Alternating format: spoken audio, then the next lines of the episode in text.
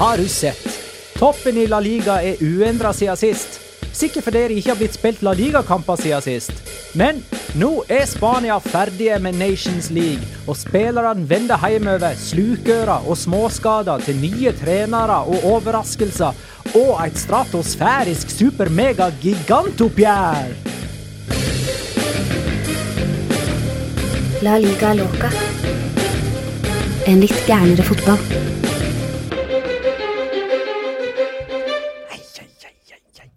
Det er Atletico Madrid eh, Barcelona jeg snakker om når jeg eh, sier stratosfærisk, supermega, gigantoppgjør. Eh, det var det sterkeste uttrykket og sammensetningen av ord jeg klarte å få ut. Eh, dette er La Liga Loca episode 52 av det ordinære slaget med meg, Magna Kvalvik. Hei. Og deg, Jonas Giæver. Hei. Dobberdan. Og Tobias Storestad Dale. Hei. Halla. Du tar plassen til Petter Wæland igjen. Du har blitt varm i den stolen der. Ja, veldig. Petter Wæland er sjuk. Inn altså med Tobias, og dermed så må vi nesten ha et segment om eh, iranske toppskårere fra 1990-tallet. Mange- Hvor mange, hvor mange var det Ali Dai skårte mot Malaysia i 1997? Eh, Det var jo mot Maldivene, Maldivene. og ikke Malaysia. Men det som var så flaut, det var at i etterkant så sjekka jeg jo, og det var, han skåra jo bare to mål i den kampen. Men grunnen til at jeg dro det opp, for at jeg, da jeg hørte episoden i etterkant, så hørtes det så forferdelig snikskrytete ut. Men poenget mitt, det var at Iran mot Maldivene i 1997, som ble 17-0, det var verdensrekord. Det var derfor jeg huska akkurat den kampen. Ah, okay. den, men den ble slått i Verdensrekord i i, i landskamp, eller fotballkamp, landskamper med høyest uh, seier. seiersmann. Ah. Jeg trodde Australia hadde en eller Ja, Den men- kom etterpå. Okay. Jonas, kjør. Ja, nei, ja, er det ikke 29-0 eller noe sånt når det ble slutta? 31-0 31-0. mot Er det noen som husker hvem de spilte mot? Samoa? Amerikansk Samoa. Ja. Riktig. Tror jeg. Det kom Eh, seinere. Ja, men det var, det var derfor jeg dro opp det. Men det var jo flaut, selvfølgelig. Jeg var jo jeg var litt flau over det. Så ikke noe, ikke noe om Iran i dag, altså. Skal dere ha en, eh, en, en veldig diffus fun fact om amerikansk Samoa og Australia, sånn fotballmessig? Det er én, én spiller som har spilt for begge landslagene. Hva En gang til. Det er én fotballspiller som har spilt offisiell landskamp for Samoa. Han har vel bare spilt for Samoa og for Australia. Er det noen som tar den? Saovic. Eh, Australia, Samoa og hmm. Nei, jeg tar ikke den. Han eh, legger opp på landslaget nå, nettopp spilt sin siste landskamp. Tim Cahill. Nå, jeg skulle til å si det når du ga det hintet, men eh, jeg fikk ikke til betenkningstid etter det. Tim Cahill har én kampel for Samoa, hvis ikke jeg husker helt feil. Skal jeg sjekke det mens jeg sitter her. Ja. Eh, og det er faktisk bare Samoa U20, så glem det. Men det er i hvert fall Samoa. Uh, han, har spilt, han har spilt landskamp for uh, ungdomslaget til Samoa. I 1994 spilte Tim Cahill eh, Da var han 15 år. Spilte han for U20-laget til Samoa. OK. Men eh, en liten sånn stillehavs eh, siden vi er i Stillehavet, eh, så bare jeg må, Det er nydelig. Jeg, jeg, for- dette, er, dette, er, dette er meg, Magnar. Dette her er så for meg. Tusen takk. Eh, jeg husker ikke hvilket landslag det dreier seg om, men jeg er ganske sikker på at det er amerikansk Samoa. Ja. Har dere sett den filmen? Om Amerika, det er en dokumentar hvor det er en nederlandsk-amerikansk trener som drar ned for å ta over det landslaget, fordi de ligger da på sisteplass på Fifa-rankingen. Og så følger de det laget, og så klarer de å vinne en kamp. Og Det er blant annet en transvestitt som spiller på dette laget, og det er, det er en veldig flott film. Dokumentar, da, eller? Ja, Ja. dokumentar. Er ikke det hele en bok også? Noe sånn On top of the Nei. Next, the Next Goal Wins, eller noe sånt heter den. Da vet vi hva vi skal se på for noe til neste gang Tobias er tilbake, Magnar. Ja. Eh, og grunnen til at vi snakker om eh, iransk fotball eller, og Stillehavet, er jo at eh, eh, Tobias var med oss her i, i en VM-spesial i, i sommer. Og drog opp det der spørsmålet med den eh, 17-0-seieren på 90-tallet, der jeg og Jonas ikke kunne svare. Eh, for det kom litt brått på. Nei. Men eh, nå skal vi nok forholde oss mer til Spania og eh, ja, både landslags- og klubbfotball. Eh, Spania er ute, kan man si det, ute av Nations League. De er iallfall ikke med i sluttspillet av eh, Nations League. Vi må snakke om Spania, og litt om Nations League generelt. Eh, vi skal snakke om eh, Real Madrids eh, trener, Solari, som har, eh, i alle fall på papiret, sitter til 2021. Vi skal snakke om Atletico Barcelona, som er helgens eh, storkamp. Og så skal vi utnevne den viktigste spilleren i hver av klubbene som utgjør topp seks i La Liga. Mm. Eh, på oppfordring fra en lytter. Men eh, vi begynner med et spørsmål fra Shayan Jalilyan, den mest positive eh, lytteren vi har. Ja da. På en skala fra én til ti, hvor drita kjedelig er det ikke med landslagspause? Eh, og det jeg tenker vi skal eh, snakke om da, er eh, Nations League. Eh, og syns dere det er kjedelig? Eh, det, nå har vi lagt bak oss den første runden, kan man si, med Nations League. Altså mer eller mindre komplett. Ikke alle kampene er spilt ferdig når vi sitter i studio mandag kveld. Vi rekker akkurat Norge-Kypros. Da er det på en måte ferdig. Eh, hva- hva syns vi om formatet Nations League?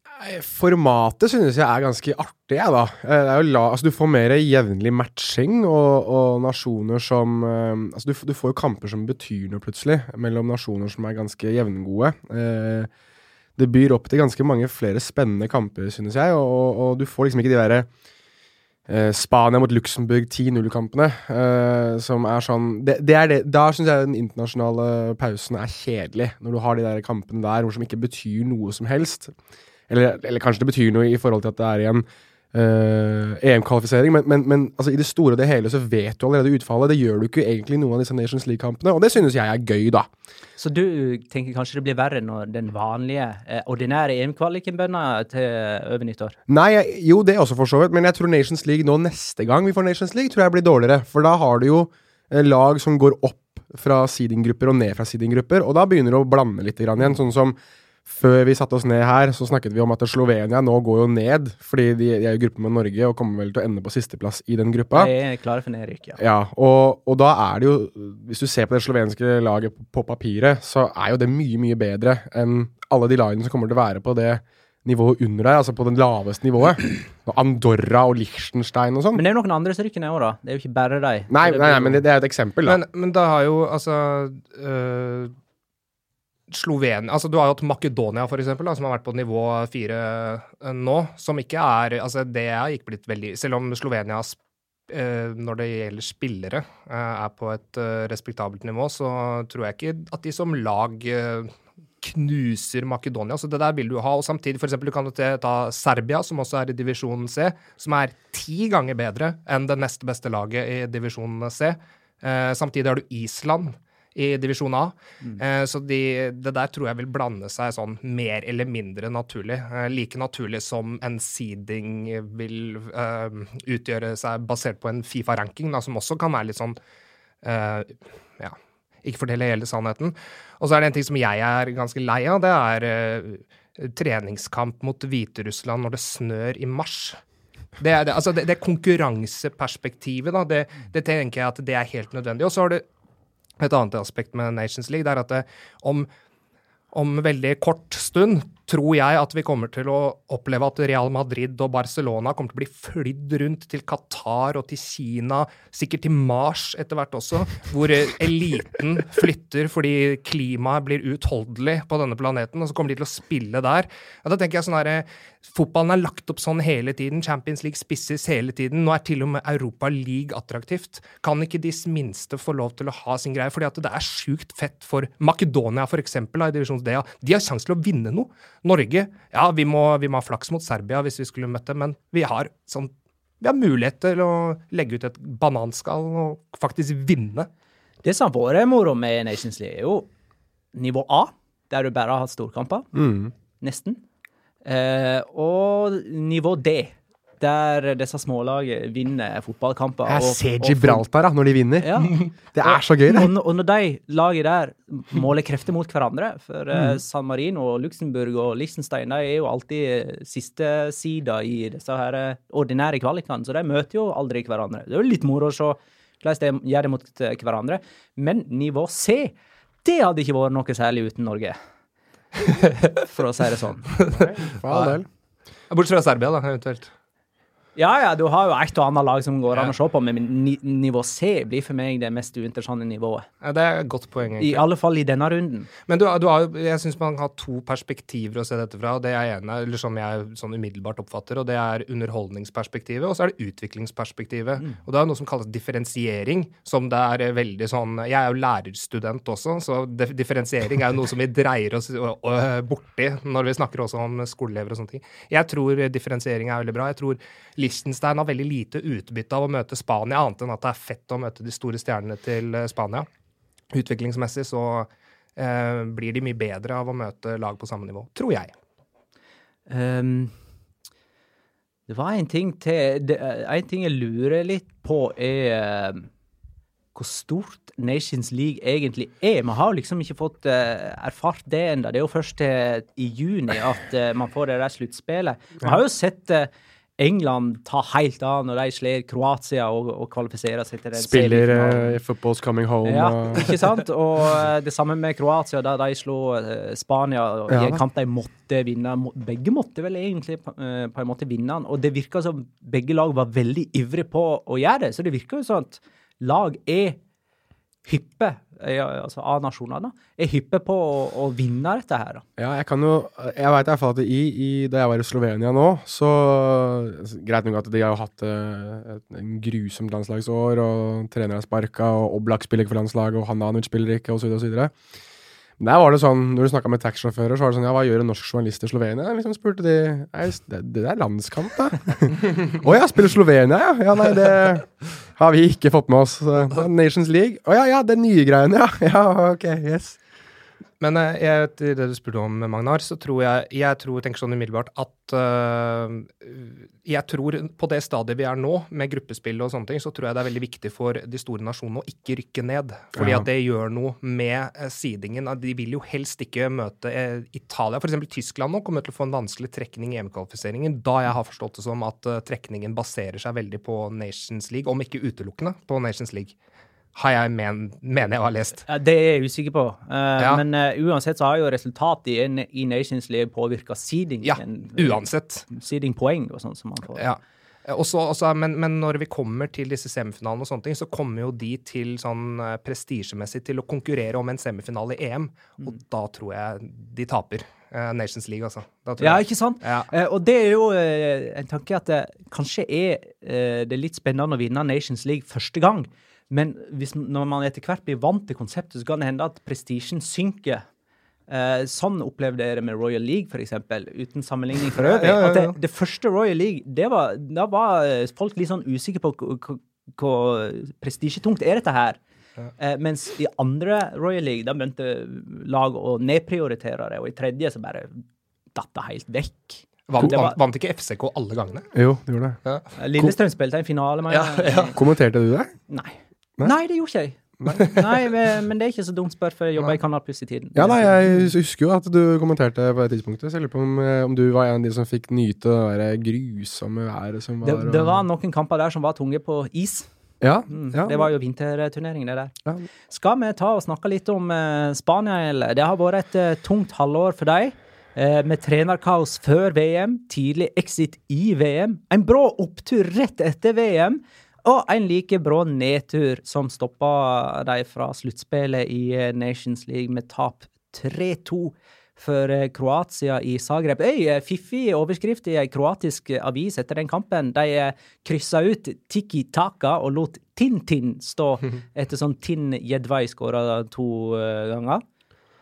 Aldri, Eh. aldri skåret før for Kroatia for øvrig. Det var hans to første landslagsmål. Ja, Han hadde aldri skåra to mål i en og samme kamp før heller. Han hadde skåra mål og sjølmål i samme kamp, men aldri to i riktig vei.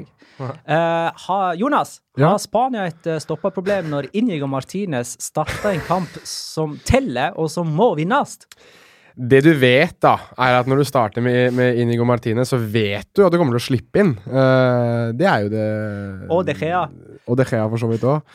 Men eh, for å ta han Jeg kan snakke mye om det, Gea, men for å ta han første først, så eh, For å prøve å svare litt seriøst på dette her, da, så, så mener jeg jo det at eh, bak Piquet og, og, og Sergio Ramos så er det nå vært ganske åpenbart at de har manglet en, en, en fanebærer da, for neste generasjon. Altså, Inigo Martinez var lovende i lang, lang tid, og skulle egentlig opp på ett nivå høyere enn det han er nå. Det, det, det nivået har han aldri tatt, i min bok i hvert fall. Eh, det samme går litt for, eh, for Mark Bartra også, som skulle også opp et nivå. Greit nok at han har vært veldig god i år for Betis, men, men man trodde at han skulle være arvtakeren etter Piquet og Puyol i, eh, i Barcelona. Det har ikke skjedd. Um, og da har vi også da spillere som Jesus Vallejo, som ikke har kommet opp. og, og, og å, For meg så begynner det å bli mer og mer og mer åpenbart at Spania må prøve å appellere til Aymeric Laporte. Prøve å få han til å, å slå fra seg den der drømmen om Frankrike. Det er ikke for seint ennå, det. Nei, Han har jo ikke spilt for Frankrike ennå. En Tenk- tenk- offisiell kamp. Hæ? Nei, ikke offisielt. Men, ja, treningskamp har han vel spilt. Ah, har han det? Hvis Ja, du, sjekk det, du. Men, jeg, jeg tror han har null landskamper, det er jeg rimelig sikker på. Fordi han hadde null landskamper foran VM, og han har ikke spilt uh, siden da. Ingen og, landskamper. og, og, og tenk deg det er Aymeric Laporte. Når jeg tenker på hvis jeg skal sette opp et drømmelag over de beste fotballspillerne i verden akkurat nå, så er Laporte et navn som dukker opp i huet mitt, liksom. Så god er han. Ja, ja, jeg er ikke, jeg er ikke uenig. Og og, det er jo mista Lucas Hernandez òg. Ja, han har de mista, og Theo Hernandez hadde ikke spilt midtstopper, men han, eh, han har også valgt Frankrike. Men i hvert fall, Rapport har jo sagt at uh, han vil spille for, for Frankrike, men at hvis det vi, vi, viser seg at det aldri kommer til å bli mulig for han, så vil han vurdere Spania.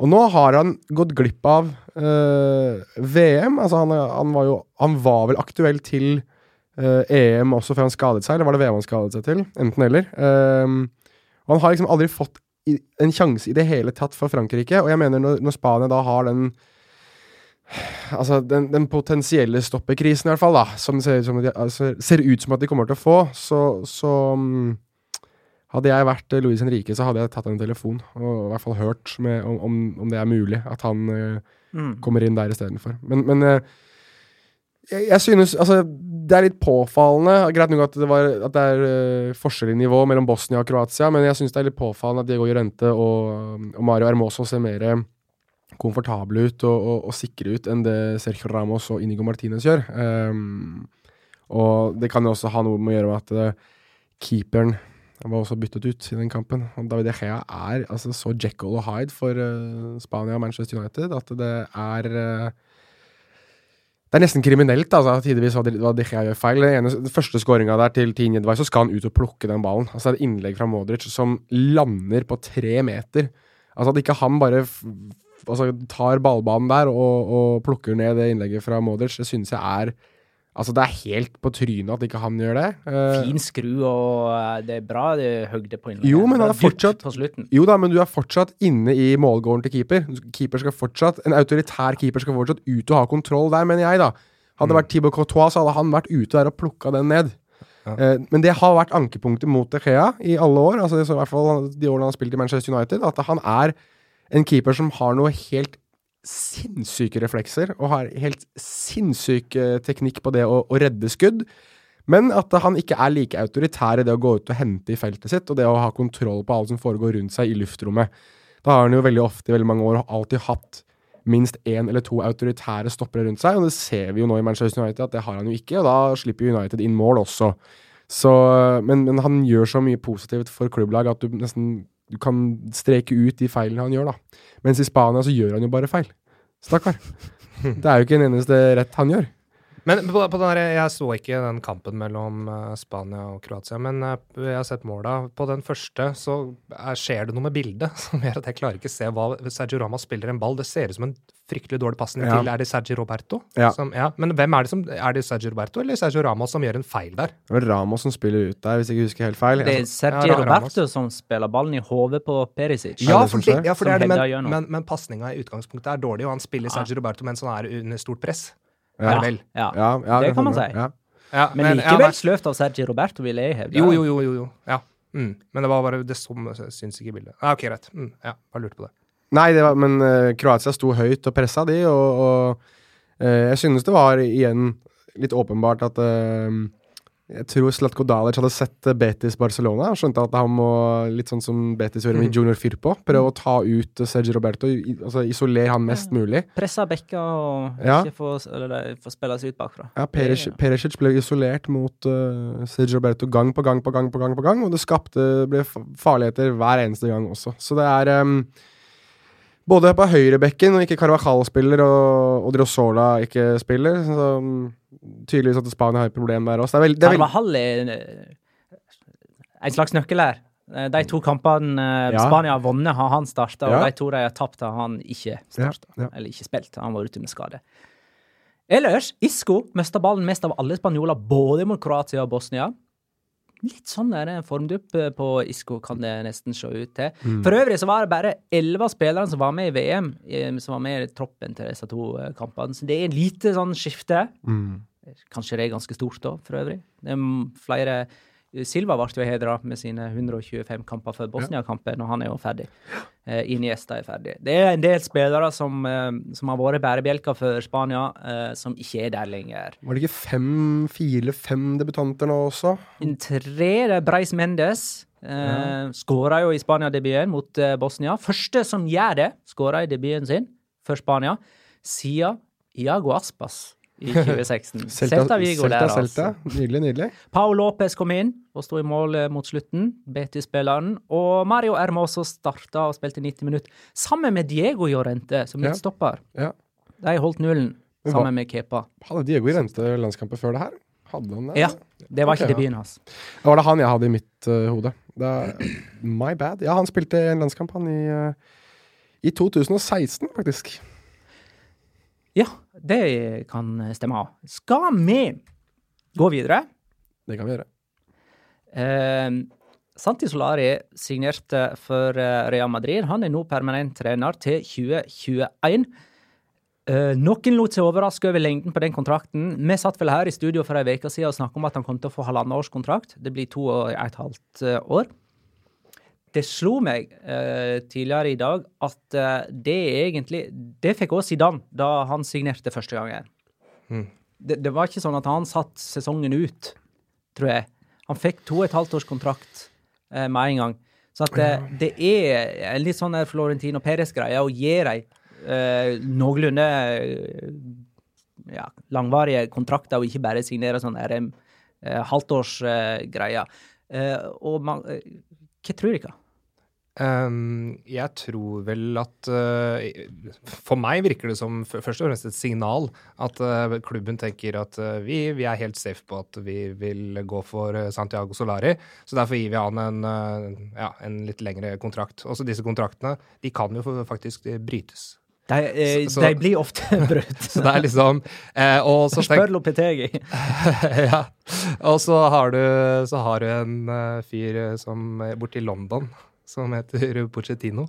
Eh, som, eh, som jeg, jeg eh, syns det lukter at han kommer inn eh, Ja, når eh, blir det? Hvis, jeg tenker at vi, Pochettino han har uttrykt eh, han har uttrykt i media litt sånn misnøye med situasjonen, og så har han gått gjennom et overgangsvindu uten å få en eneste spiller. Og jeg antar med 100 a- antagelse at eh, av mangel, I mangel av et bedre ord. eh, at uh, enhver manager eh, er ikke fornøyd med å, med å gå gjennom et overgangsvindu uten å signere en eneste spiller. Mm. og så står, står klubben litt på stedet hvil. Jeg tenker Hvis ikke det blir noe progresjon der nå, så kan det godt tenkes at han da er åpen for å, for å gå videre. Og jeg tror at eh, Santiago Solari skal ta en god del trofeer i løpet av våren eh, hvis det blir aktuelt å beholde han framfor en Pochettino som er interessert i å gå til Real Madrid. Tre. Tre trofé. Må vinne, I hvert, fall La Liga eller Champions League, da. I hvert fall ett. Mm. en av de store. Ja.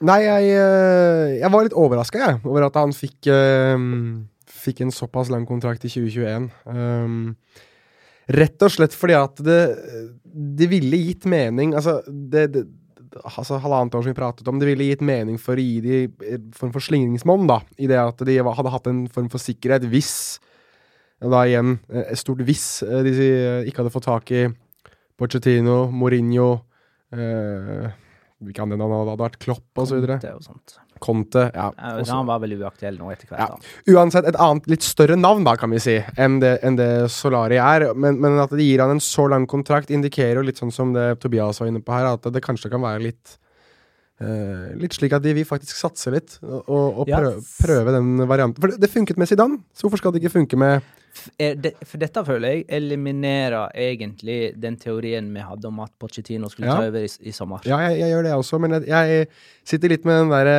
um, Uh, Gud, nå husker jeg hvem som kom før han, men jeg husker det Jo. Uh, Det var Loppetegi som var før? Nei, nei, ikke, ikke Nå tenker jeg på et annet, på et annet lag. Men jeg husker at det, jeg husker at Barcelona hadde jo kjempesuksess med Guardiola, det vet vi jo. Men jeg husker også det at Juventus prøvde Da de så hvor godt Guardiola hadde gjort med B-laget, og så tok eh, A-laget til Barcelona, så prøvde Juventus å gjøre noe av det samme med Chiro Ferrara, for, for de som husker det. Altså gamle stopperen Chiro Ferrara, som var kaptein for Juventus osv.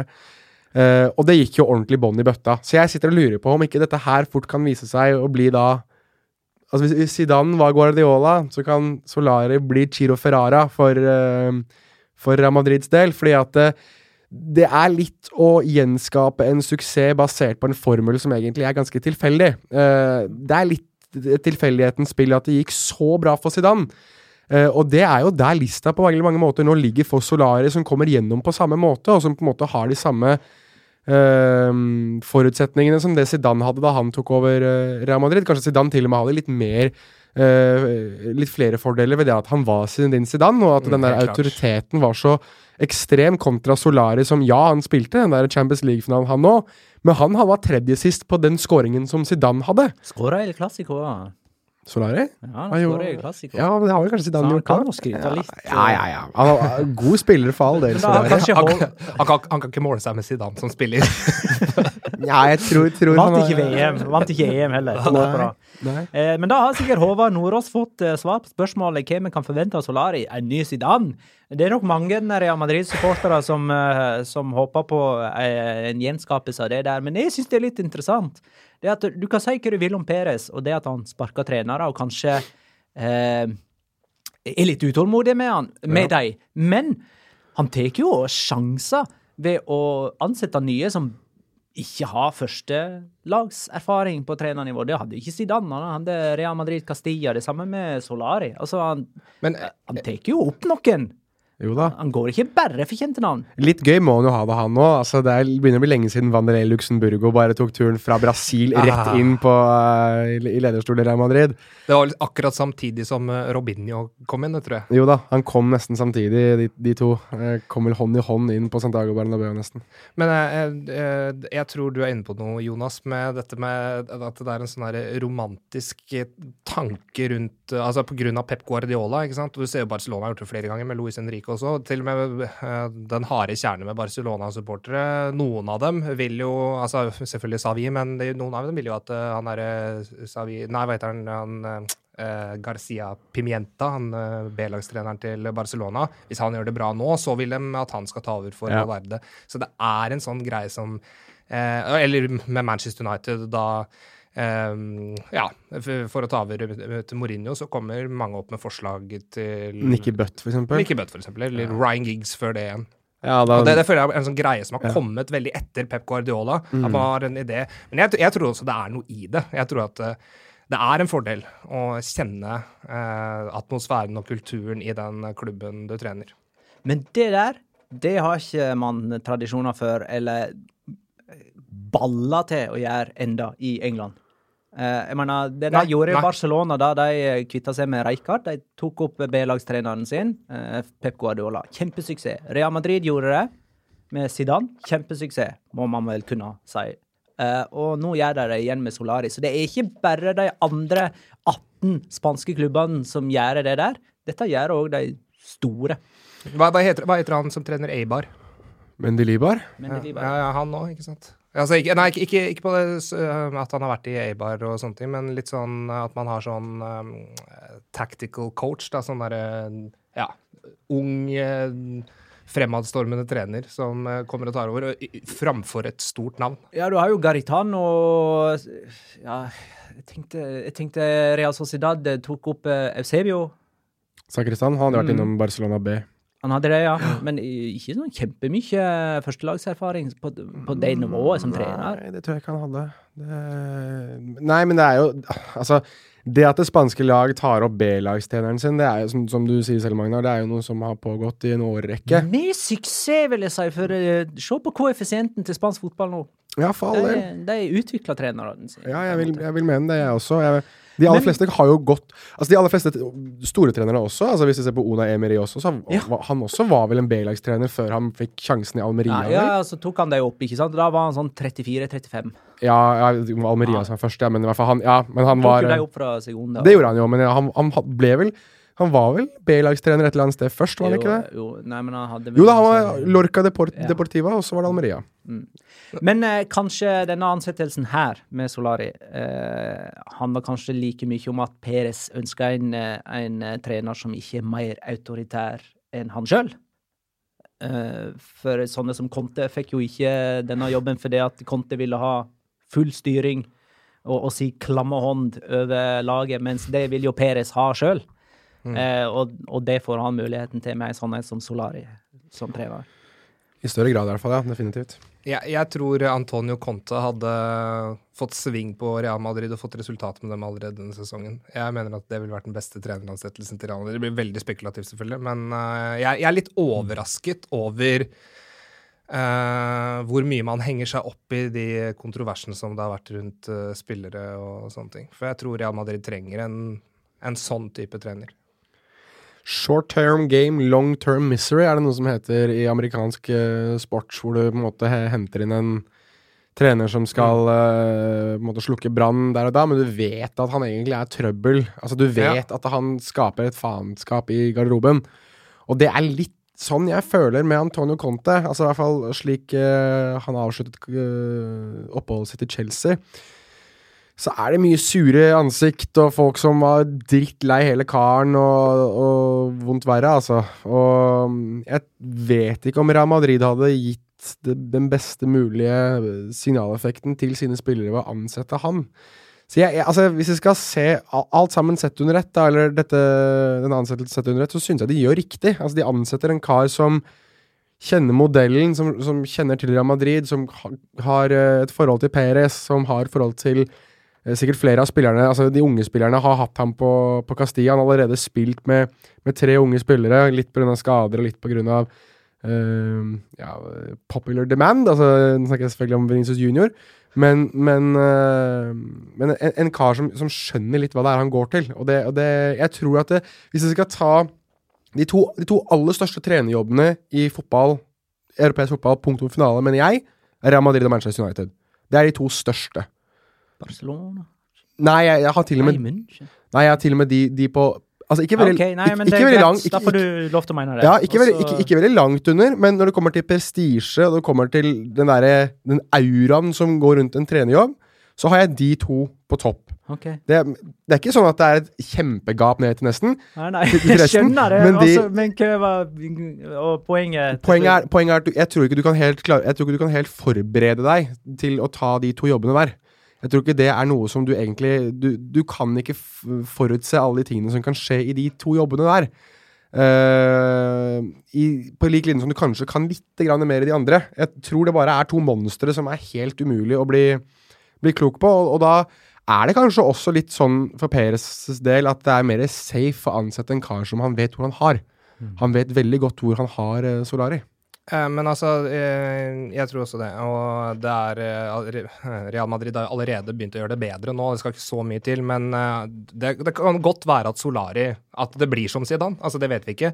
Men bare for, tilbake til Conte sånn veldig kjapt, så var det greit nok det, Den andre sesongen hans i Chelsea ble ikke noe bra, men det overgangsvinduet som var i forkant av den andre sesongen, Der opplever jeg at Antonio Conte er ansatt i en hardtsatsende klubb som litt ikke litt over natta, men som kan signaliserer veldig tydelig at det ikke er det lenger, da, ved bl.a. å selge Matic eh, til Manchester United. Matic var jo eh, altså, litt opp i åra. De, de hadde sikkert en tanke bak det med å hente inn eh, Bakayoko og sånne ting, men de fikk ikke tak i Romelu Lukaku. Jeg vet ikke om Antonio Rudiger var førstevalget til Chelsea. Det tror jeg ikke han var.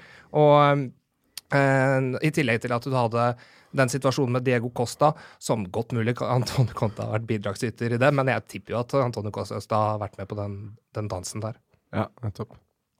Uh, egen, men han har et greiere utgangspunkt, uh, Solari, enn Lopetegi. Så skulle Solari lykkes, vil han få ære av å løfte et skakkjørt eh, Real Madrid uten å ha førstelagserfaringen. Og om han feila, blir han unnskyldt for at Real Madrid var skakkjørt da han tok over, og han var kasta til Ullevål uten førstelagserfaring. Det er, Ja, det er et helt greit utgangspunkt for han sånn sett, da. Ja da. Eh, og Real Madrid spiller borte mot Eibar lørdag klokka 13. Den ser du på eh, Strive, som er vår annonsør. Du får Strive for 79 kroner i måneden og 499 kroner i året. Første veka gratis. Og en annen kamp samme dag på samme tjeneste. Atletico Madrid, Barcelona klokka 20.45 lørdag. Den skal vi snakke om nå. Det skal vi. Ja, vi må Eh, eh, der skal du, Tobias, du skal få tippa på vegne av Petter eh, når vi kommer dit. Eh, det- hører med til historien at Petter ligger helt sist, så her eh, Og, og, og så, hæ, så jeg skal eventuelt ødelegge statistikken hans enda mer? eh, Ja, helst det, ja. Helst det for vår del. Ja, greit. Eh, 7-0 til Atletico. da. ja, sånn, sånn så det. Sånt, ja. Med, med Godin som første målskårer. Oblak som første målskårer. Godin kommer antagelig til å spille. Gjør han med, altså med den strekken som han fikk eh, mot Nei, Atletic. tror jeg ikke. Så siste- sett opp han nå. Men eh, Siste jeg har lest, er at han er definitivt ute, og så har du en hel del på. Men det, ja, du får komme tilbake til det. ja. Ett poeng mellom laget. Som, eh, som sagt så er toppen i La Liga uendra. Det vil si at det er ett poeng mellom eh, topp fire, og Barcelona og eh, Atletico Madrid er topp fire. Uh, Atletico Madrid Dette måtte jeg sjekke og dobbeltsjekke og, og Trippelsjekke. og trippelsjekke og saumfare. Atletico har ikke sleget Barcelona i en nasjonal konkurranse siden 2010. Ja, det kan De stemme. har det. sleget dem i Mm. Champions League. Ja, det har de. Men Ja, det har de. fy søren så mange ganger man spilte uavgjort. Ja, det har spilt uavgjort. Og ikke, ikke bare det, men de spilte jo uavgjort, som gjorde at de vant seriegull eh, i 2014 også, så ja, det det, er var jo nesten på kamp nå. Ja, Mm. det er Det var å slå det. 17. mai. Ja, det var 17. mai. Og så mener jeg bestemt at året etterpå så møttes de 17. mai på Vicente Calderón da Messi skåra. Var ikke det 17. mai, da? Jo, Jo da da, avgjorde. Barcelona-serien. Ja, da avgjorde Barcelona-serien. Husker du noen som skåret i målene den 17. mai da Atletico Madrid vant? Ja, han, Eh, ja, du kan kjøre. Tar du dem? ja, nei, siden jeg var der og kommenterte, så er det. Hasht- Hashtag snikskryt fra Magna Nei, der. dette var helt åpenbart skryt. Ja. Ja, eh, Få se om Tobias har den, da. jeg Det- mener å huske at det var en eh, chilener. Kan det være Alexis Sanchez? Det stemmer ganske bra, det. Og så var det vel en uruguayaner som scora for Atletico Madrid. Det stemmer også ganske Diego bra. Godin, ja. Og så året etterpå, da var det jo en gud som skåra. Ja. En- en Du en er jo Barcelona-supporter, uh, Tobias. Det er greit å understreke her. Ja, ja, ja. Jo, jo, jo. jo. Men må man være det for å Og for Guda, da, en som spiller med nummer ti på Barcelona. Hvem er det? Så, ja, det, får, det får eh, folk spekulere seg fram til sjøl. Jo, altså, Atletico slo eh, eh, Barcelona i Champions League i 2014 og 2016. Det var jo da eh, det spanske laget drev og slo ut hverandre i Champions League. ikke sant? Atletico og Ja, Real Madrid møttes jo i finalen begge året. årene. Eh, noen som har lyst til å tippe på hvem som skåra da Atletico sist slo Barcelona i La Liga, eller? I 2010? Februar? Ja, ja kjør du, Jonas, først. 2010? Øh, Gud hjelpe meg. Det var 2-1, sa jeg det? Ja. Såpass. Skåra begge mål Skåra Jeg, vei- jeg veit ikke, altså. Så det blir helt Nei. vill leting. Skåra samme person begge målene? Tre forskjellige målskårere. Vi kan, vi kan ikke bruke for mye tid på det. Skåra Messi for, Bar for Barcelona? eller? Nei. Nei. Jeg tror Diego Forlan skåra for Atletico. Yes! Ja, ja. Og så han andre klarer ikke rikka. Hmm? Han andre Eh, tidligere. 2010 eh, f- Kan det være noe sånn Luis Perea eller noe sånt? Nei, eh, det var, han er colombianer, sant? Ja. Eh, Det var en portugiser. Simao? Ja. Ja, Simao. ja. Og så var det en svenske. Sla nei, Zlatan. Ja. Eh, Å ja, fy søren, nå trodde jeg du mente for Atletico. Så jeg bare hæ? Hvem er det som spilte? Ja, Atletico med skadeproblem. Hvordan ligger de an der? Godin kan vi vel bare avskrive. Oi, nå satt Uh, og ja, jeg veit. Savic har slitt med skade. Lucas Ja. Hernandez har slitt med skade. Savic jo, Du hadde jo han 19-åringen Montero spilte mot uh, Atletic, Mm. ikke sant? Eh, og Thomas Partey og uh, Saul var jo nede i forsvaret der i løpet av uh, Ja. Atletic-kampen, begge to. I, uh, Ifølge Ifølge Transfermarkt, i hvert fall, da, så er det vel de, de som har en viss skade eller har problemer, er Koke, som vi vet, som fortsatt er ute. Thomas LeMar skal ha hatt en liten skade. Uh, Stefan Savic har en liten skade. Lucas Hernandez, uh, José Maria Jiménez og Diego Godin. Så det er primært sett forsvarsspillere. Ja. Så det er jo en Men jeg tror. Lucas Hernandez eh, blir klar. Jeg, jeg har Ja, ja. markert han som usikker. Ja, men Ja, OK, det er greit. For han driver og trener for seg sjøl og sånt. Ja, helt men, riktig, ja. men på feltet, i det minste, og ikke i et sånn styrkerom-type. Helt, helt riktig. Eh, de som er tilbake i trening på feltet, som jeg har notert, det er uh, Jimenez. Og så er det Kokke og Lemar og Jan Oblak.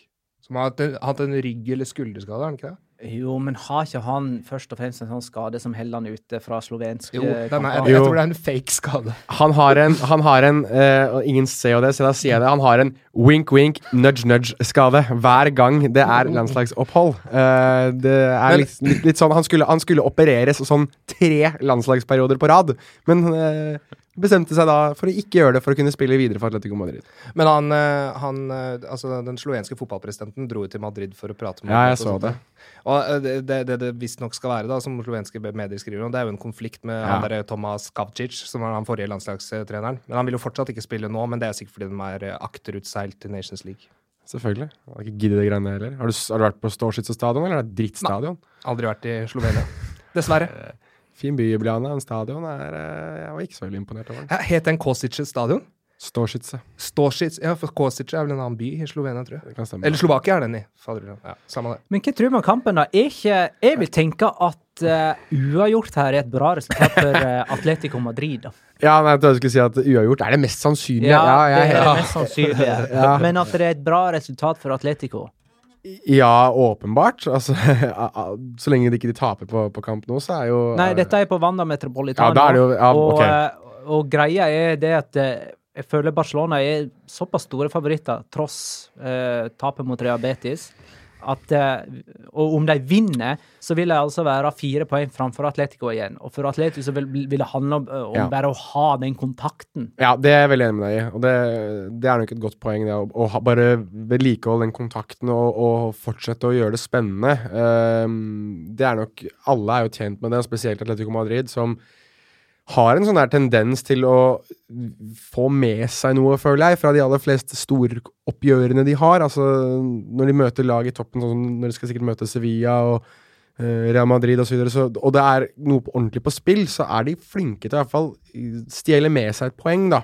Eh, på en eller annen måte. Og jeg sitter med en feeling jeg, på at Atletico Madrid kommer til å angripe her. At de kommer til å ta litt uh, inspirasjon fra det Betis gjorde, og prøve i hvert fall å, å stresse eh, Barcelona tidlig i kampen. Og hvis de da si innenfor de første 20-25 ikke får noe, noe utbytte av det, så kan, kommer de nok til å legge seg bakpå og prøve å dundre i vei på, på kontra igjen. Jeg, jeg kan ikke forestille meg et scenario der de kommer til å ville ligge så langt bakpå når de har så mye offensivt talent også. Jeg mener det at eh, Som ikke scora, for øvrig. de skårer jo ikke, men, men, men jeg, de har en egen evne til det å også, um, eh, skape vei i vellinga da, og, og, og ødelegge for, for motstanderen. Um, sette de litt ut av balanse. Og jeg mener at hvis, hvis Barcelona fortsetter med det de gjør nå, med å spille med for eksempel Sergio Roberto på, på høyrebekken uten noe spesiell sikring rundt han, så er det altså Tom Alemar eller Jelson Martins mot han. Så det er jo rått parti, da, hvis de, bestem- hvis de klarer å isol isolere det på en eller annen måte. I tillegg da kanskje får Philippe Louise som suser opp og ned på sin, sin bekk også. Jeg tror mye av kampen vinnes og tapes uh, ute på den uh, flanken der, og og selvfølgelig også han der vi snakket om i stad, som har nummer ti for et av disse lagene, som eh, bestemmer seg rett som det er at han har lyst til å vinne fotballkamper. Er ikke, er ikke Atletico Madrid favoritter eh, når han spiller? Med tanke på statistikk og sånn den sesongen der. Messi, når eh, Ja, Barcelona har vært uh, Ja. hatt sin beste periode uten han. Men eh, ja uh, Det som er Selv han! Ja, selv han. Ja, Benkene, i det minste. Altså, ja, jeg, det blir litt sånn jeg, jeg, Nå skal jeg komme med en spissformulering, da, men jeg opp, opplever jo, bare så det er sagt, sånn at eh, folk skjønner at det er litt sånn Men eh, jeg opplever det i forhold til det du sier med hvordan Atletico kommer til å legge seg og sånne ting, det jeg opplever med Atletico Madrid mer og mer de siste årene, det er at eh, Um, de spiller nesten litt sånn tikki taka-fotball, det var spissformuleringen, mot lag som de, er, eh, som de har overtak på, som de er eh, antatt eh, bedre enn. Og så spiller de mer den der klassiske den der enhetsmåten å spille på mot mm. bedre lag. Eh, men jeg så ikke kampen sjøl, men jeg hørte rapporter på For jeg så Juventus Manchester United, men jeg så den der, Nei, jeg hørte òg at eh, eh, At de hadde spilt ekstremt attraktivt og bra mot Borussia Dortmund da de vant 2-0. Er det noen av dere som så den kampen? Nei, jeg har ikke sett den, så vi bør kanskje ringe Petter, som kommenterte den. Ja, ja. Det gikk Jeg lurer på om jeg hadde Juventus uh, United som kamp én. Jeg hadde tre kamper. eh, for en Var det det bildet på Twitter? Ja, nei, det var faktisk eh, helge seinere. okay. Jeg, nei, jeg har en tendens til å sette opp tre kamper samtidig. Det som var, det, det, som var greia med, med Dortmund-kampen, var jo at de fikk rom til å, å spille hurtigangrepsfotball. Ja, ja. For eh, Dortmund er jo ikke et sånt lag som ligger som en tett pakka enhet uh, defensivt. Så det gikk ganske hurtig Mm. framover. Det var ganske deilig å se på. Ja, ja. Det var det. Ja, men, Men eh, det, det er Om de får til det mot Barcelona Det kan godt hende, det, faktisk. Eh, Det kommer jo litt an på Barcelona, da. Men, men så er spørsmålet, ikke sant? du snakker om Thomas LeMar og, og han uh, Gelson Martins, Gelson Martins uh, på, på kantene der. Men jeg ser for meg at de kommer til å, hvis, uh, med, forbehold om at Cocker blir skadefri, at de kommer til å kjøre uh, Rodri og Partey på midten. Og, Saul på en kant, da, og så sikkert Korea, tenker jeg. Saul. Jeg tror ikke det er dumt å kjøre Korea, men eh, det kan, eh, nå vet jeg ikke For hvordan det Kor er. Korea, han jobber så beinhardt, Mm. og jeg tror kanskje man er interessert i å ha inn det elementet mot Barcelona. Men jeg Han skaper ting, han. Eh, Husker du da jeg snakka ja. Det hørtes uh, Magnar, unnskyld, ironisk unnskyld. Men er det Nei, for eh, jeg snakka jo om det forrige gang, at eh, jeg syns Barcelona eh, Dette Barcelona-forsvaret, sånn én og én, leter seg lettere avdribla enn det Ja, som har vært ja. tilfellet Ja, ja, ja. med tidligere Barcelona-forsvarsgenerasjoner. Og akkurat eh, ei sånn kamp kan passe Korea, tenker jeg. Mm. Ja, han kan gå fra nord til sør, eh, han. Han er så god. Jeg har så sansen for han i Korea. Nord- og Sør-Korea. Eh, og jeg- Magna hater jo alle ordspillene mine. Dette, dette, du hører jo på. Ja, du vet at Magna hater dem. Den er, den er vi ferdig med. Nei, jeg håper at Korea tar ballen fra nord til sør. Det ordspillet gikk langt over huet. Ja, ja, ja. Men jeg, bare- jeg gjør jeg, jeg må få sagt det til dere som hører på også, og Tobias hører også på, men Jeg er stor fan. ja, det er bra. Og det er det at det, det Tobias eh, må legge merke til når jeg sier ordspill, er det at det, så fort jeg sier dem, så ser jeg på Magnar. Fordi at det er Å bare se den derre åh, Ansiktsuttrykket til Magnar, det gir meg så mye glede på en mandagskveld. Beklager til alle, men det er derfor jeg gjør det. Sivert eh, van Morik lurer kanskje på om eh, Sergio Roberto skal gå tilbake til det å være midtbanespiller Ja. på heltid. Ja. Men da lurer jeg på om da er kanskje ikke Sergio Roberto med på eh, laget. Selv om Rakitic mangler eh, til denne kampen, her, han er jo karantene og ble også skada for Kroatia. Ja. Men altså, jeg mener, du har Arturo, du har Arthur, du har Busquets. Arturo og Arthur. Ja, ikke sant? eh, Rafinha. Det, det er muligheter på midtbanen. Nei, altså, av de, av de valgene du nevner der, så har jeg Sergio Roberto foran Arturo Vidal og Rafinha. Du har det, ja. Helt, helt uh, 100 enig. Arturo Vidal, altså jeg, Men hvem er det jeg glemmer? Det er Men Arturo flere. Vidal kommer til å spille. Arturo Vidal kommer til å spille sammen med Arthur. Ja ja, det er Lykke til til Barcelona hvis jeg skal bruke de greiene der. Han er så dårlig om Det er han vel ikke. Jo, det er han. Altså, jeg har sett Arturo Vidal så mye og så lenge at dette her er den dårligste versjonen av Arturo Vidal jeg noen gang har sett. Okay, Han er er så dårlig. Coutinho på venstre, Luis Suárez uh, i midten, og så Messi til høyre. Men Coutinho, Coutinho er vel ute med skade? Er han eller? Ja, er det ikke det? Han fikk vel en st Jo, han var jo ikke med mot Betis. Stemmer det? Nei, stemmer det. Han, han tror jeg fortsatt er skada, altså. Jeg tror ikke han kommer Dembélé, til å da? Nei, men han, kommer kom, han kommer ikke til å spille. Han er jo visstnok, ifølge For, for at name-drop er samme det. Ifølge en, en norsk avis så er jo han spilleavhengig. Nå spekuleres det i.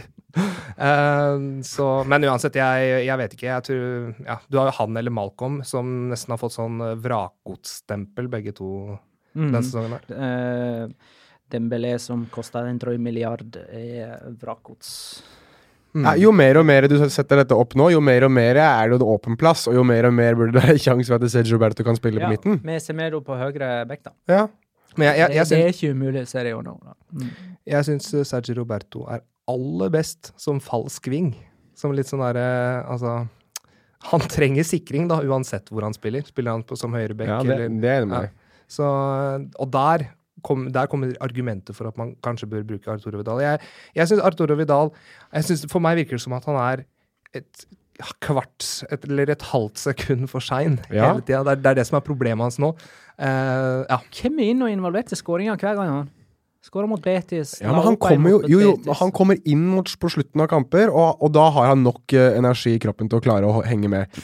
Men hvis han skal spille 90 minutter altså, ja, Men det her er ikke kødd engang. Altså. Han, er, Han har drevet så rovdrift på den kroppen sin i så mange år, spilt så mye mesterskap og ellers drevet med piss og møkk Mm. utafor banen, med festing og drikking og vondt verre. Mm. Altså, nå, Han er 31, og jeg tror at han begynner å kjenne effekten av de, eh, av de årene nå. Altså. Jeg tror han, eh, Både han og du ser jo kompisen hans i Manchester, Alexis Sanchez, de har spilt så mye fotball og vært så mye i gang hele veien. Og så Vidal enda verre enn Sanchez har ikke tatt vare på kroppen sin, og da har det endt opp med dette her. Hvordan eh, Skal du få en siste ting? Ja, så bare sånn, bare Du rekker opp hånda, Tobias. Chel nei, Chelsea. Chile. Jeg- Jeg tror ikke de har Før nå i sommer så tror jeg ikke de har hatt landslagspause siden 2010. Stemmer ganske bra. da. Ok, takk. Mm. Eh, for Abdi Ali lurer på om uh, De Licht eh, blir eh, Barcelona-spiller. Vet du noe, Tobias? Har du lest noe rykte eller hørt noe? Og dessuten, Frenkie de. Jong, Frenkie de Jong også har jo vært aktuell for eh, Åh, de Jong. det er sånn her, eh, Nå får jo Tobias orgasme uten eh, ja. Det er splash nei, her eh, hvert øyeblikk. Frenk, Frenkie de Jong, jeg er, jeg er jo verdens største Lionel Messi-fan. Det har jeg annonsert for lenge siden. Jeg er sannsynligvis verdens største Frenkie de Jong-fan også. Uh, fy flate for en god fotballspiller. Og uh, ja, tilbake til Spania og, og deres generasjonsskifte. Men denne Rodri for Atletico Madrid, det er jo, det er jo veldig mye Sergio Busquets i han. Eh, ja, Nok om det. Uh, Delikt, nei. Uh, jeg har ikke pratet med Bartomeu på Messenger i dag. Eh, jeg vet ikke hvordan det står til der. Men det jeg, jeg, kan, jeg tror jeg snakker på vegne av alle Barcelona-supportere når eh, jeg sier at uh, Delikt eh, og Frenkie de Jong begge er veldig ønsket. Spesielt Delikt. Spesielt etter en video som eh, gikk viralt av at han brøyter seg forbi Kylian Mbappé. Har dere sett Ja, den? jeg har sett den. Ja. Fantastisk. Nei, han Ja, Siste for det er Barcelona og forsvarere akkurat nå. Det er Ja, jo, det er jo per perfekt timing. Ja. Mm, og han er en type som uh, Helt på en måte Hva er det Er ikke det Barca-DNA om? Jo, men det, altså, du, du var inne på Frank Rijkaard i stad, at de har ikke hatt siden Frank Rijkaard. Men Frank Rijkaard er også en sånn type trener som, ja, som kommer fra Ajax-skolen, og som er på en måte en del av det Barcelona-DNA-et. Eh, du har eh, Justin Cloyfert, som er eh, fortsatt tenåring, så, tror jeg. Eh, som, ja, han er tenåring, og han Ja. spiller i Roma. Han vil man jo ha på grunn av at han både har en far som har spilt for Barcelona, men også fordi han har spilt for Ajax. Lillebroren hans spiller i Barcelona, faktisk. Eh, Yngste, yes. yngstebroren Mm, er i eh, systemet der. mm, det stemmer. Sånn juvenil Mm. type. Og så har de vel en bror som er i PSG, hvis ikke Eller har han Nei, han spiller vel i Utrecht, tror jeg. Ok, ja. Sånn sånt noe. ja eh, Er dette alle unger av Patrick Kloifert? Ja da, han Ja. har tre kids, han. Og de alle spiller fotball. Var ikke han tiltalt for kone- konemishandling en gang? Hæ? Patrick Royfert? Var han det? Blanda jeg? Nei, sammen, det er- Stan vel- Collymore, da, i hvert fall. Det er Nei. Stan Collymore har ikke spilt for Barcelona. Må, måtte bare oppklare det. Ja, det stemmer, det også. nei, Nei, men, men den Ajax-Barcelona-linken er enormt sterk. Vi trenger ikke snakke så veldig mye om det, men det er jo ja. Jan Cruyff og sånn. Mitchells, Cruyff, Cruyff, her hører du, Cruyff osv. Ja, nei, altså, de, de får ta det veldig fort da på de, disse spillerne du skal fram til. Nå nevnte Sunday Mirror nylig at uh, City har bydd noe hinsides mye penger for Frenkie de Jong. At den Han kommer nok til å ende opp der. Mens Mathais de Licht har jo eh, senest i dag ikke fått lov til å kommentere rykter om at han kan være på vei til Bayern München. Eh, og det er vel nevnt både United er nevnt, Juventus er nevnt, City, Barcelona. Så jeg tipper at det blir en, eh, et rotterace til sommeren. Jeg tror ikke han går i januar, jeg tror det blir til sommeren. på- Vi bønner med tipping. Mathias. Resultat Resultat og første målskårer. Peter ligger sist. Dermed bønner Tobias. Å ja, ok, greit. Uh, 7-0, var det det du sa? 7-0. Første målskårer eh, Diego Godin. Nei da. Jeg, nei, jeg skal tippe ordentlig. Jeg så du drev og sleipt, altså. Uh, nei, uh, jeg tror det blir eh, 1-1, som sikkert dere også tror. Eh, og så tror jeg første målskårer blir Det blir, må jo bli han franskmannen på topp. Eh, Antoine Griezmann. Griezmann. Jeg sier Jonas skal få tippe først. Eller, nei, vent litt. Det er ikke sånn det fungerer. Det er, det, er- det er den som topper, som faktisk skal bønne. Og det er jeg, det. Eh, men eh, det, det påvirker ikke mitt, eh, min tipping. 1-2 eh, og Saul. ja, du er på Saul-toget ditt igjen. Mm. Er det Golazo fra 25? Med høyre? Med venstre. Med venstre. Som på Wanda i fjor. Var det ikke en golasso fra, med høyre da? Ja. Og, Med venstre. og siden har Magnar Ja. tippet på hver gang han har tippet Letico Madrid, så har han tippet Saul-skåring, så å si. I hvert fall når jeg møter storlag. Jeg får uh, si 0-0, jeg. 0-0, sier du. Hva, hva, hva tippa du, Magnar? 1-2. 1-2. 1-2, ja. Mm. Så Atletico Madrid-seier har han tippet. Ja, men du, du kan tippe en målskårer likevel. Du får jo ikke minuspoeng, liksom. Nei, OK. Uh, ja, hvis, det, hvis det blir en målskårer, da Mhm. Eh, Men det er òg riktig det, det blir ikke rikt, Det blir jo riktig å si en- ingen målskårer òg, Ja, da. det gjør jo for så vidt det, da. Så du kan jo få fem poeng for det nå. Ja, Da går vi for ingen målskårer. Ja, 0-0. Det er greit, men uh, da skal vi Vi skal snart uh, nå uh, utpeke det vi mener er den beste spilleren i de seks øverste Altså den viktigste spilleren i de seks øverste uh, La Liga-klubbene. Men eh, vi fikk en oppfordring eh, fra Fred om å snakke litt om eh, Segunda. Eh, han spør rett og slett eh, hvem blir det neste laget til å rykke opp i La Liga uten å ha vært der før? Altså sånn type Eibar, Uesca, Leganes. Hvem er det jeg glemmer? Det er en fjerde Altså, Eibar, Uesca, Leganes og Nå kommer jeg ikke over. Girona? Girona. Girona. Ja. Fire på uh, veldig kort tid. Eh, og svaret på det kan være Alcorcon, som jo toppa Segunda nå. De har aldri vært oppe. De toppa etter 14 runder.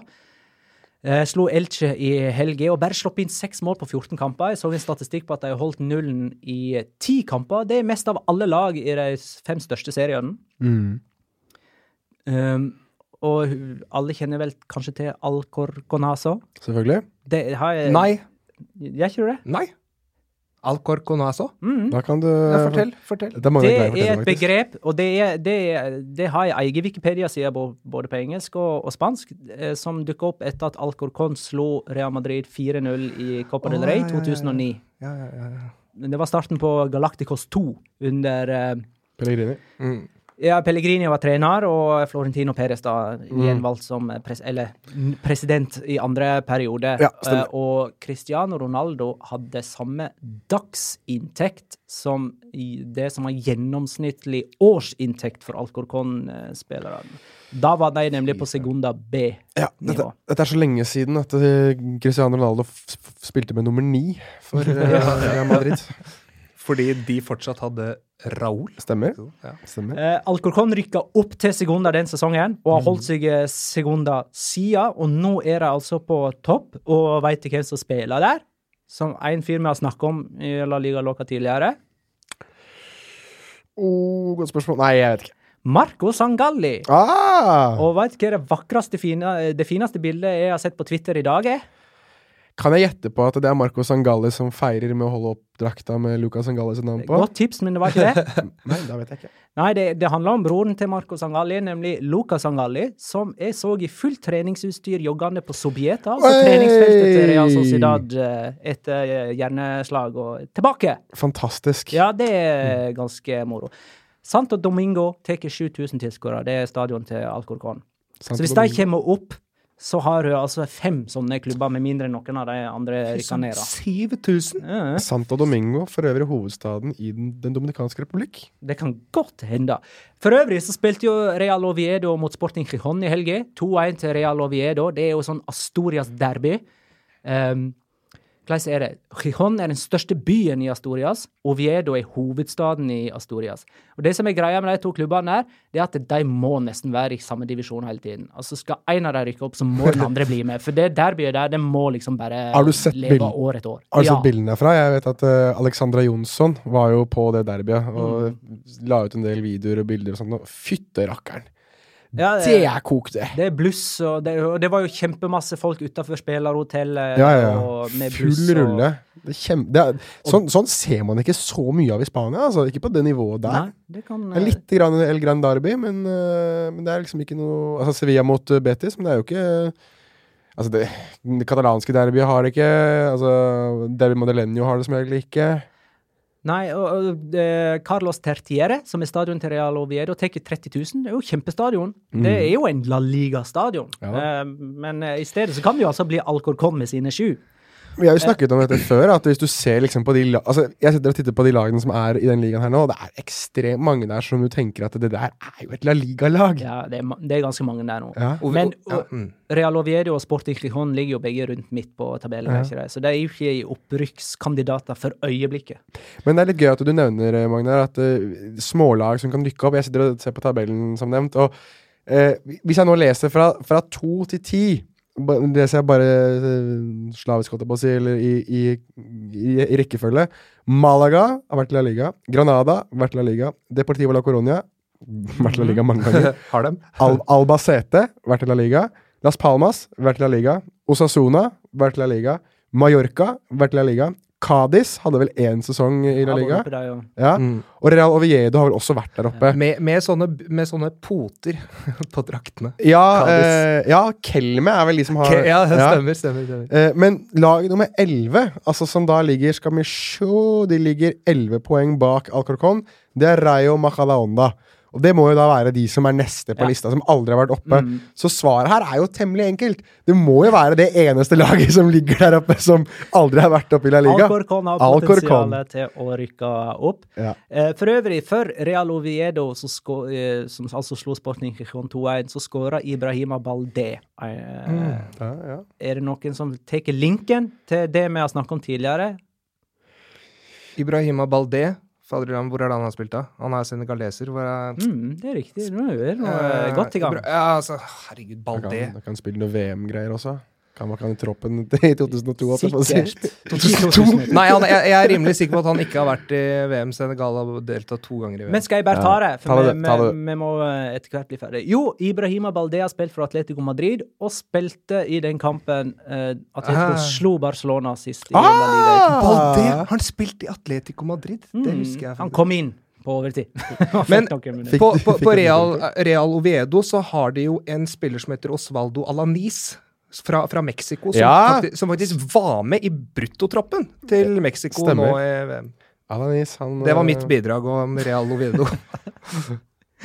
Den er fin. Eh, Og Rayo eh, Mahada Honda, eller hva det heter. ja, Er, nå spør jeg, er det ikke der Monir kom Spilte ikke han der?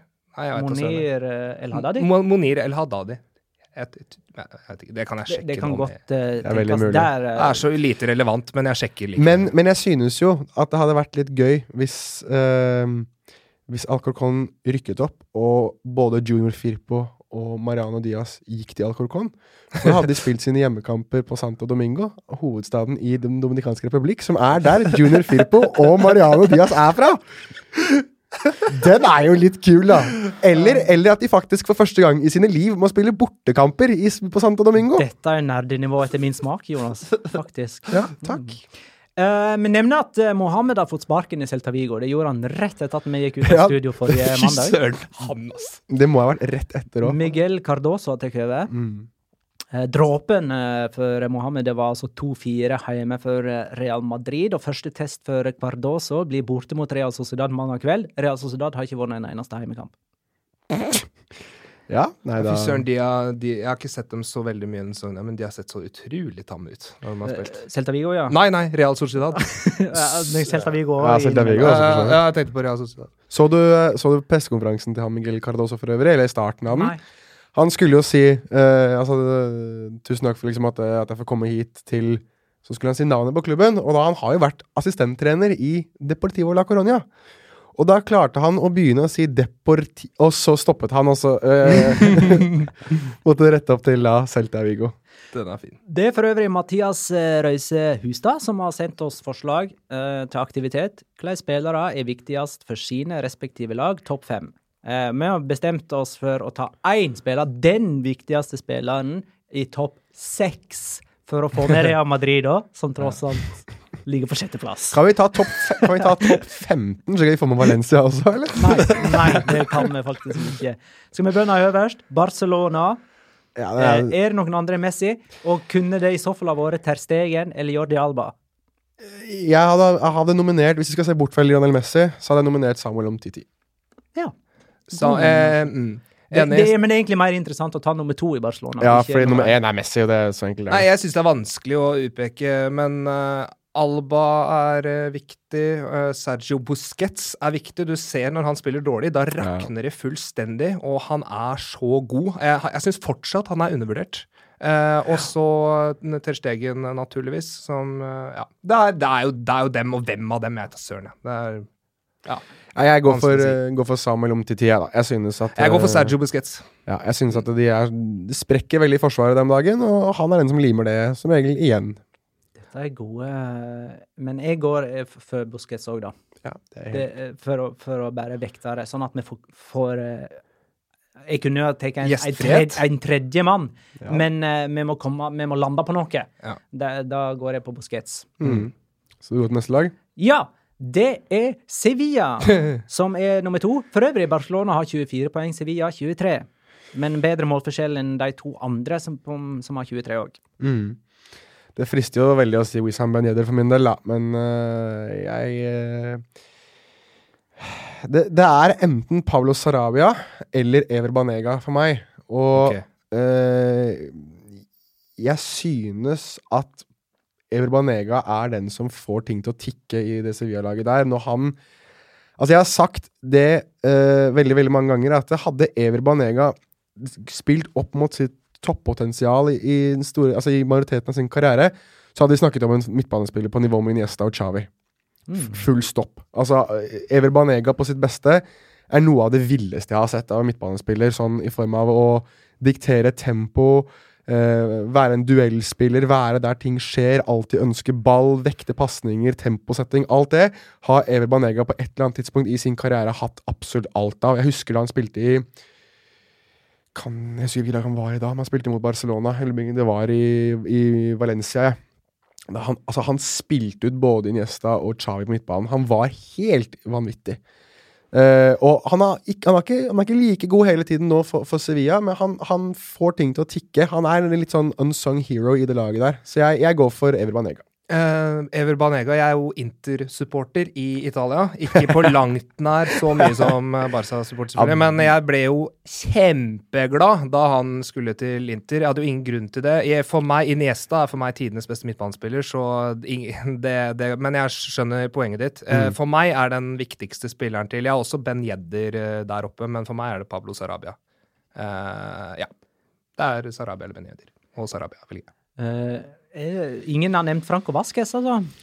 Nei, for han er varierer, han varierer så veldig. Syns du det? Jeg syns det er Banega som varierer, mens eh, Ja. Franco Vasques er limet. Er vi uenige, da?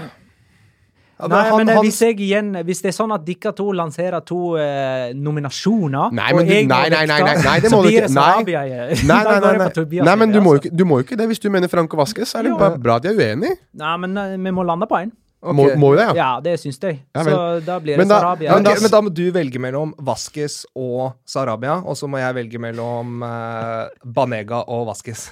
Ja, men jeg, Da er jeg enig på at det er Sarabia. Jeg var, var jo enten Sarabia eller Banega. Vi har landa på Pablo Sarabia. Ja. Nå sitter Petter og smiler bredt. Ja, men han, den sesongen her, ja. Jeg syns, han jeg syns han har vært et alt hakk over resten Han, av han har vært involvert i alt de Ja. skaper. Ja, ja, det er greit, det. Så det er greit, det. Atletico Madrid. Den er vanskeligere igjen, altså. Den er vanskeligere enn man skulle tro. Det er, det er egentlig ingen som stikker særlig ut. Nei, ikke egentlig. Men uh, jeg syns vi skal nominere Saul. Ja, du kan godt nominere han. Uh, det syns jeg.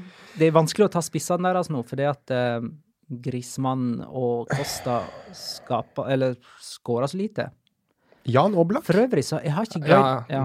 Jeg har ikke glemt at Atletico Norvega sa at eh, første målet til Diego Costa skulle komme 24.11. mot Barcelona. Da setter han nemlig inn 2-1 rundt klokka ti på kvelden. Husker du det?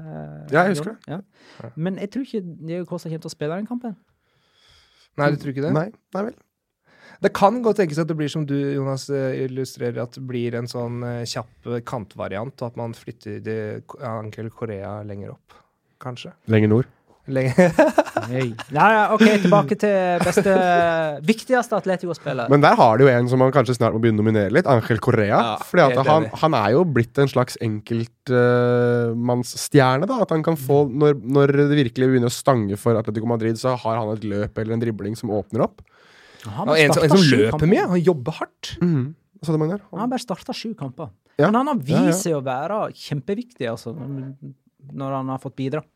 Ja, nei, jeg, jeg, har, han, jeg har han høyt på, på min liste, men, men jeg, jeg,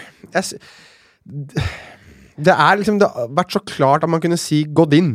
Eller vært så klart Ja. at man kunne si Grismann. Eller vært så klart at man kan si Diego Costa. Men i år så har liksom Alle de tre har egentlig spilt ganske greit under pari, da. Mm. Um, Godin, Godin må nevnes, fordi at han, på grunn av det han har levert tidligere. At hvis han har vært i en liten dupp nå, eller kanskje han kommer opp igjen Han, han er jo i en viss alder også, som gjør at Ja, det kan godt tenkes at Men Godin må nevnes, i hvert fall. Da, en, men jeg, for meg, jeg føler jo at Rodri er en helt fantastisk god fotballspiller. Ja. Og en eh, viktig spiller som bare kommer til å bli bedre og bedre. Og den eh, spilleren som kommer til å erstatte Sergio Busquets på landslaget, og som også kommer til å gjøre det på en ålreit måte, tror jeg.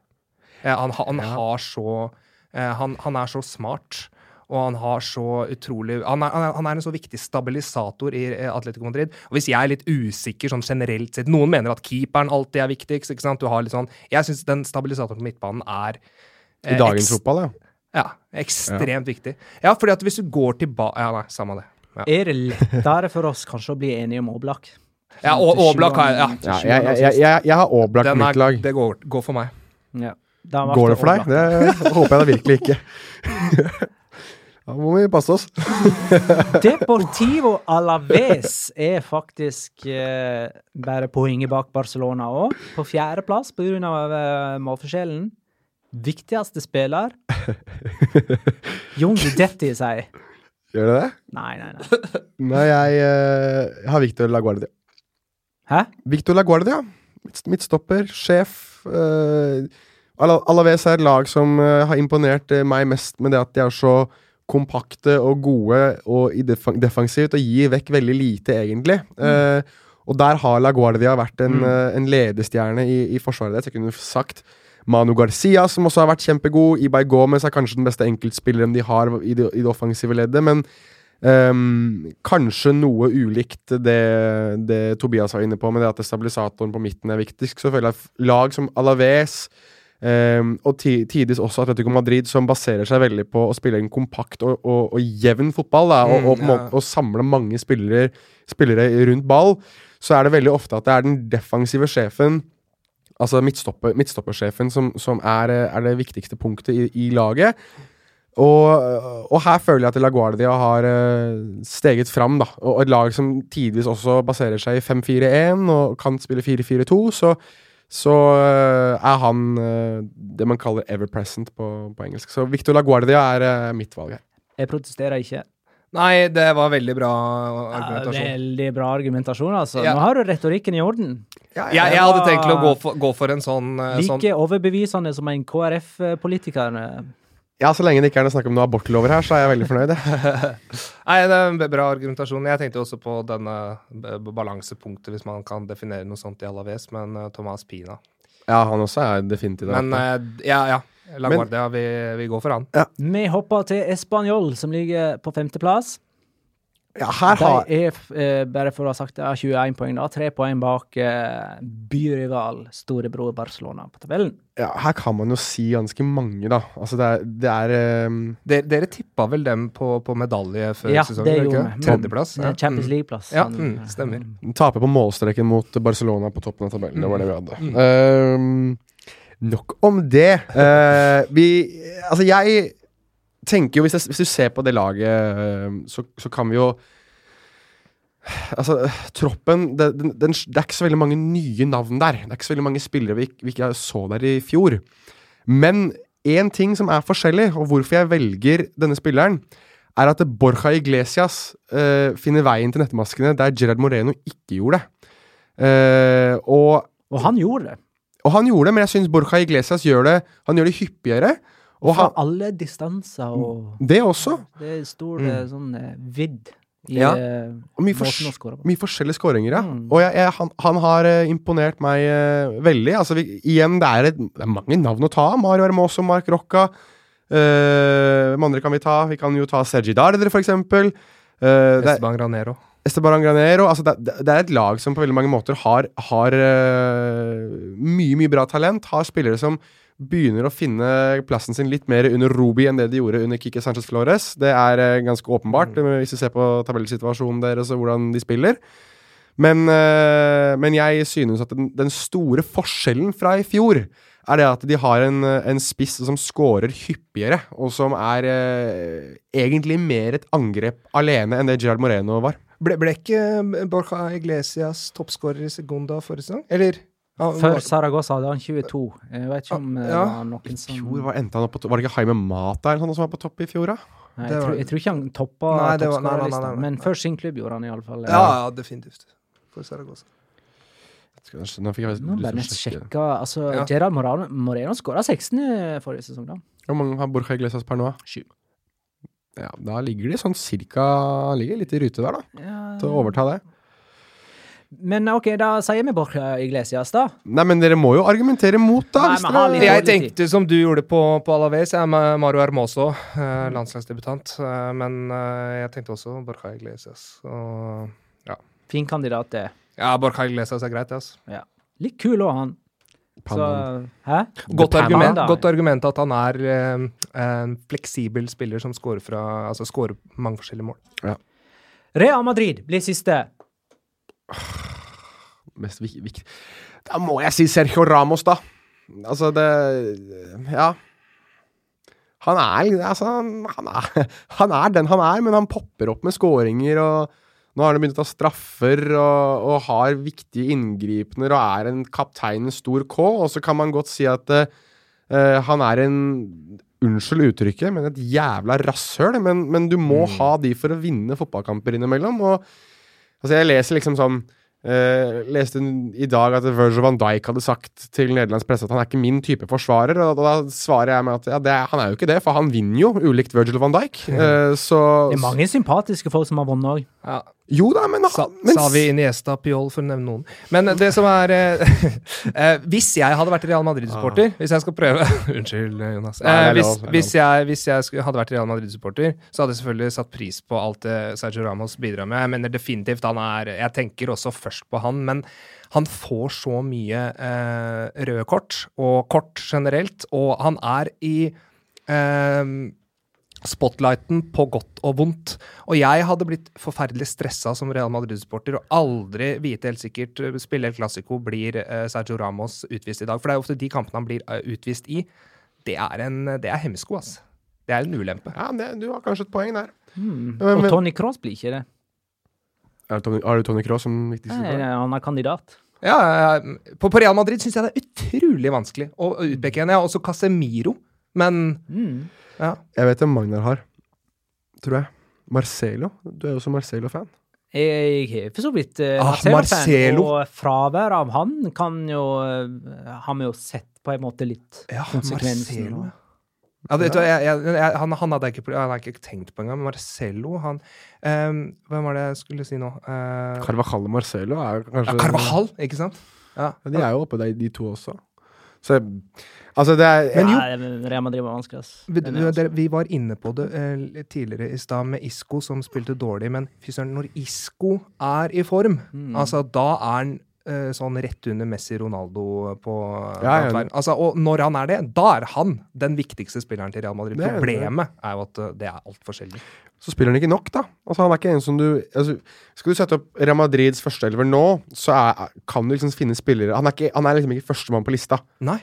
Og det er litt rart, men, Ja. men det er Carvajal, Marcelo og og Sergio Ramos er alle tre spillere som hvis du skal sette opp et Real Madrid-lag Og da er det jo per definisjon en av de tre viktigste spillerne på laget.